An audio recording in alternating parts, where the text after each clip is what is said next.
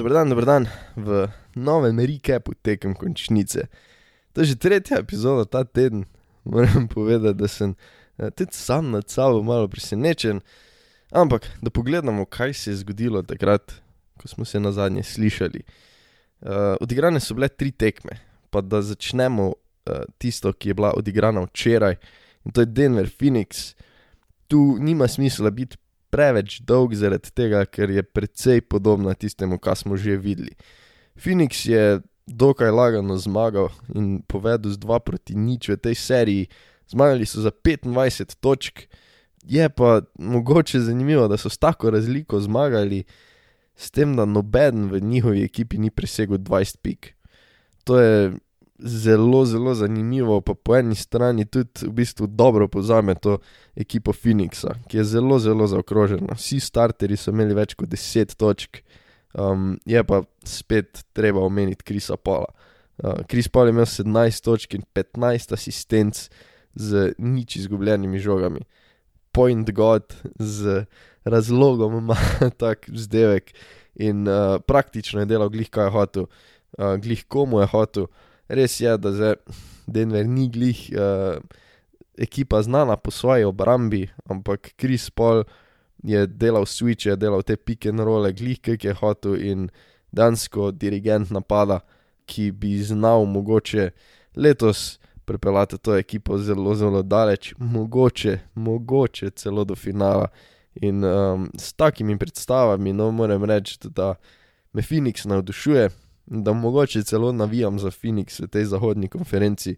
Treba je omeniti tudi Dendra Aitona, njega sem že nekajkrat omenil, da me je navdušil v tej končnici in v tej seriji je zelo, zelo pomemben, ker pač igra proti Nikoli Jokiču, igra proti MVP-ju in uh, z njim je logično, da ne moreš iti ena na ena. Ne. Pač z, njim, z njim ne moreš, v bistvu ne moreš mu parirati ampak Aiton se drži zraven, um, stoji z njim in to je zelo, zelo pomembno za Phoenix. Ker s tem, ko je Aiton tako jak, v bistvu še niso rabili Bookerja, da bi postal tisti superstar, tisti superstar, ki smo ga mogoče videli v prvi seriji proti Lakersom, ko je res capal glih, kaj je hotel. Jaz mislim, da še bo prišel čas, ko bo Booker mogel doseči več kot 20 pik, ampak na tej tekmi ni rabo, na tej tekmi so tudi vsi zvezdniki nekako uh, lahko si mal vzeli manj minut, ko bi mogoče, če bi bila uh, itak bolj izenačena tekma. Ampak kar se v Denverju tiče, zdaj daleč od tega, da je Nikola Jokič igral slabo, ampak jaz mislim, da bo mogel dati več. Uh, je pa res, da ima preprosto premalo pomoči. Michael Porter Jr., ki bi mogel biti druga napadalna opcija, je imel 23 odstotkov iz igre, bil je minus 26 v plus minusu, v obrambi tako ali tako se od njega ne pričakuje veliko, ampak uh, res je bil praktično handicap. No. Je res, da bi naj imel neke probleme s križom, torej da naj bi bil nekako malo poškodovan. Tu le bo mogel Michael Porter Jr. dati več, če bo hotel Denver sploh vzeti kako tekmo. No. Tako da um, Joker bo verjetno mogel še malo več sam narediti, mogel bo mogoče še več prevzeti na svoja ramena, ker preprosto ni dosti pomoči od svojih igralcev. Uh, je pa prišel nazaj Will Barton, ki je igral zelo, zelo dobro, ampak je prišel nazaj po dveh mesecih. Tako da je vprašanje, koliko bo dejansko lahko konstanten, koliko ima tega ritma. Tako da, kar se te serije tiče, se vidi, da ima Phoenix veliko, veliko boljšo obrambo, kot je imel Portland. Uh, Phoenix ima organiziran, pa zanesljiv napad na, kri, na krilih Krisa Pola in pa zelo, zelo globoko ekipo, medtem ko ima pa Denver MVP-ja, torej najboljšega igralca v tej seriji, uh, ampak zelo toplo hladne basketaše ob tem MVP-ju, tako da bi znalo biti še zanimivo. Kar se te druge tekme tiče, jaz mislim, da torej Utah Clippers, Utah je povedal z 2 proti nič v zmagah, uh, te tekme nisem gledal, tako da uh, je ta kratek recap le na podlagi statistike.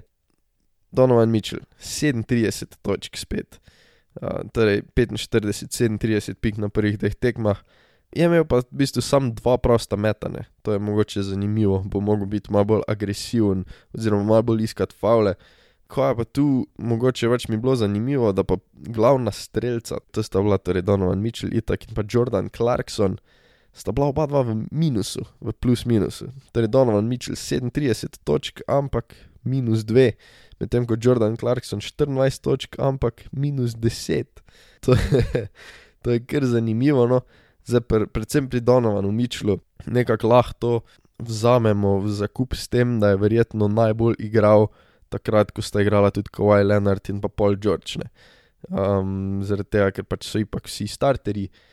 Medtem ko Jordan Clarkson je to, kar nekako vsi vemo, da je ne izjemen, izjemen skorer, ampak uh, težko dejansko dvigne ekipo.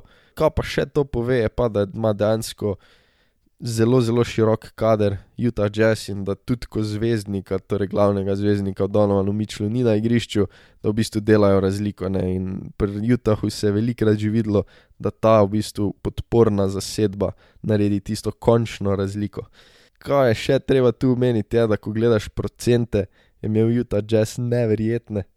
Metali so 51 odstotkov za tri, kar se verjetno ne bo več ponovilo. No. Tako da še vedno ne moremo zeglih reči, da Clippersi, vsaj po statistiki, neka ful razočarajo. No, tudi zdaj, Kowaj Leonard in Paul George nista imela izjemne statistike, ampak tudi ni bilo za hudo slabo. Je pa res, da naprimer ima pa. Utah daleč, daleč najboljšega centra. Ne. Rudy Gober je imel 20 skokov, kar je tudi zelo, zelo pomembno ne, v taki seriji. In tudi če Rudy Gober lahko pobira napadalne skoke, se to zna poznati ne, tudi pri količini metov, ki jih lahko pač torej Utah si pripravi. Pa tu še ena stvar, ki jo je treba omeniti, pa se nanaša na tisto, kar sem v prejšnjem recapu povedal, ne, je ta rotacija pri Clippersih. Zdaj torej je igralo manj košarkarjev, ampak igrali so košarkari, ki na, na, na naglih razumem, kako kak je prišlo do te rotacije spet. Ne. Pač torej Ražon Rondo um, je čist padel ven, torej sploh ni igral, coach's decision. Terence Mann, ki je bil v seriji proti Dallasu, krvko orožje, je igral eno minuto. Luke Kennard, ki je na prvi tekmi proti Utahu bil en izmed najboljših posameznikov, je igral 10 minut, manj minut kot Demarcus Cousins. Ampak kaj je tu še mogoče najbolj zanimivo, je, da Patrick Beverly, ki praktično ni bil v rotaciji, za zelo dolgo časa je igral več kot 20 minut, skoraj 21 minut. Ne vem, ne, ne razumem najbolj te rotacije, ta Rona Luja. Um, bomo pa videli, če so to prilagoditve, ki se jih bo dalo rešiti. Tako, to mislim, da je to, kar se te serije tiče, kot pravim, no, nimam nekega baš pogleda, ker tekme nisem gledal. Sem pa gledal tekmo, v kateri bomo danes posvetili daleč največ časa in to je Brooklyn Milwaukee, eh, kjer je Milwaukee se povlekel do zmage in serijo mogoče malo približal, za Brooklyn vodi 2 proti 1 v zmagah. Prva stvar, tekma se je končala z rezultatom 86-83.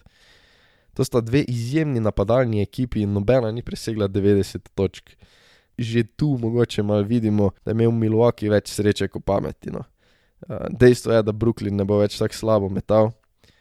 Durenta v prvem polcajtu ni glih full blo, Kajri tudi ni imel dobrega dneva.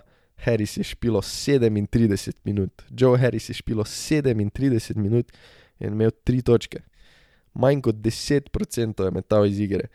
Tako da to je pač igra, ki Brooklynu ni sedla, ampak posledično bi mogel Milwaukee to zmagati veliko, veliko več. Uh, ena zanimiva stvar in pomembna stvar je, da so vsi zvezdniki igrali več kot 40 minut, kar pomembno v bistvu ne.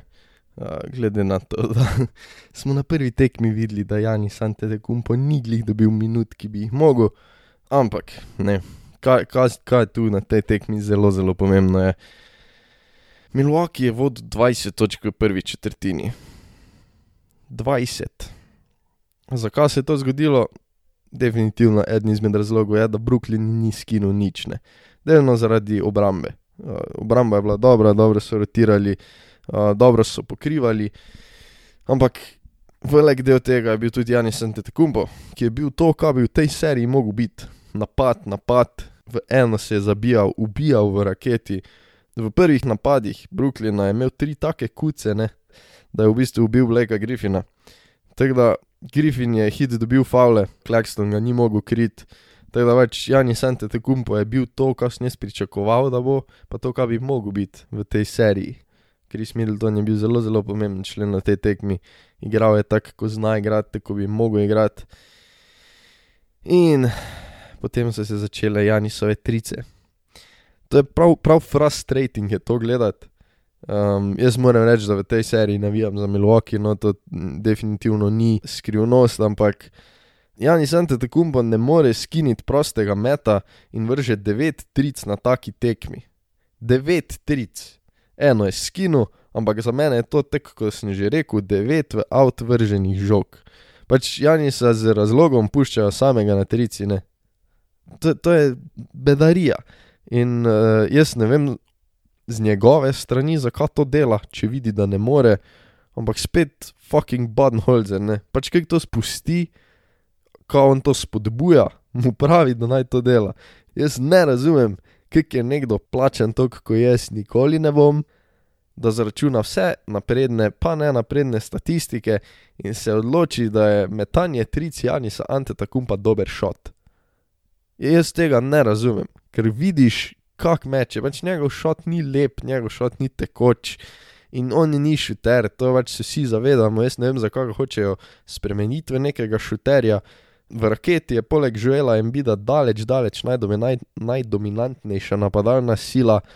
Brooklyn nima odgovora na to, sploh nima odgovora za obrambo v raketi, ampak Janis meče trice pa pol neke še fadeaway jumperje z uh, roba rakete, pa vse to tih jumperjev je, ne par skinu, no, tudi mene ne na tak moti, zdaj če on gre noter, pa pol v ritmu vrže tak šote, ne parkrat na tekmo, ampak prvi četrtini se je videlo, da nimajo odgovora za njegove prodore.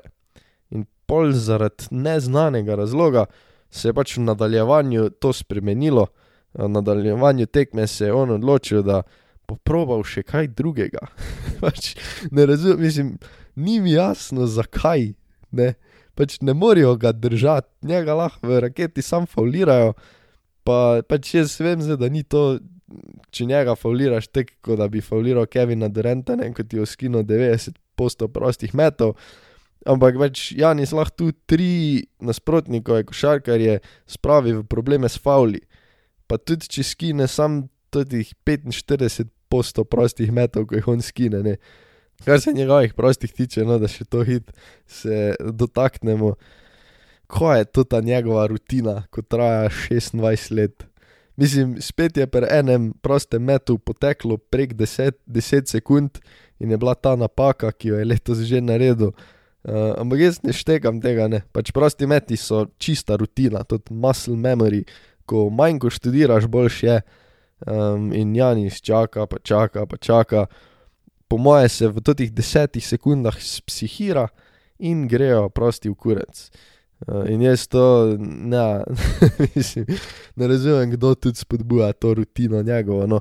Tako da, ja, no, pač, zdaj, če se bo tu trener Badenholzer odločil, da lahko Janis sam prodira, je gotovo. Pa jaz ne pravim, da to pomeni, da je gotovo, da bo Milwaukee zmagal, ampak vsaj igrali bojo tako, kot bi mogli igrati v tej seriji.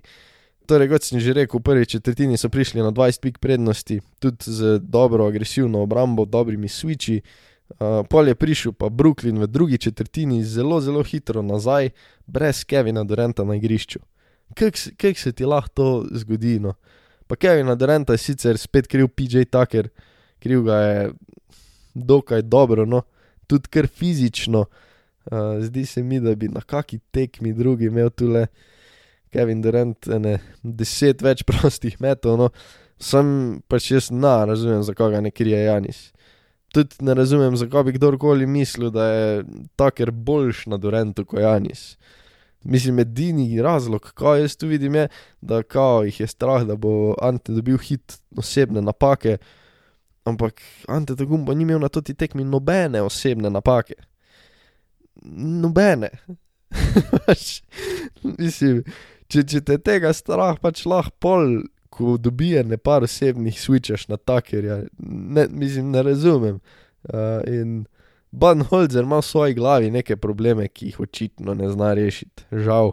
Tudi, naprimer, Brook Lopez je nekdo, ko nima dejansko odgovora uh, Brooklyn na tako maso. Mislim, imel je sedem šutov na tekmi, pet od tega so bile trice. Pa jaz razumem, da Brooklyn jih, jim bo nacapal trice, ampak z dobro obrambo, pa če ti easy koše dobivaš pod obročem, kjer te Brooklyn ne more krit, je to veliko, veliko boljš, kot pa da mečeš te glupe šote, pa ne moreš narediti v bistvu nič. Kar se mi okja tiče, so torej zmagali, ampak za moje pojme ni bila glih dobra predstava. Janis je bil ok, ampak bo definitivno mogel biti bolj žvat. Ali pa, pač ne bolj žvat, ampak se bolj pametno lotiti zadeve, bolj z glavo. Kris Middleton je špilo dobro, kot sem že rekel, bil je tisti zvezdnik, tako kot ga bojo rabili, da je 35 pik, 15 skokov, um, veliko, veliko pa manjka Juliju Holidayu, on bo mogel precej izboljšati svoje predstave. Metal je 29 posto iz igre, pa dal 9 pik to uh, ne bo šlo, no, če hoče Milwaukee kaj potegniti iz te serije. Dejstvo je, da sta 68 od 86 točk dala Middleton pa Ante Takumpo, pove vse o tem, kaj je pač dal preostanek moštva. Uh, Tako da zmaga je tu, mogoče to dobro za samozavest. Imeli so te prebliske, predvsem v prvi četrtini, ne, ko so pokazali, da bi pa mogoče lahko parirali, ampak. Uh, taka le predstava, taka le tekma, naslednjič s njim skoraj zir, da ne bo dosti, ker Brooklyn bo, ko bog meta več kot 36 odstotno, um, Durant bo verjetno dobil kak faul več, ne vem, Harris ne bo glih useless in pa bo to spet kar žalostno, ne za jelenčke, ker je zelo, zelo optimistično pričakovati, da bo najboljši napad v zgodovini lige nekdo držal na 83 točkah.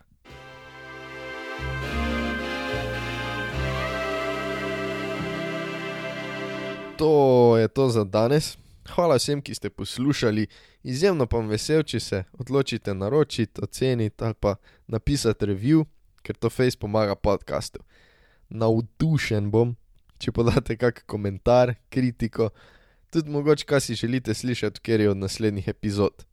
Najbolj pa vam vesel, če se odločite priporočiti prijateljem, ker vsaj v mojih očeh to pomeni, da vam je res od srca všeč. Se čujemo naslednji teden. I det!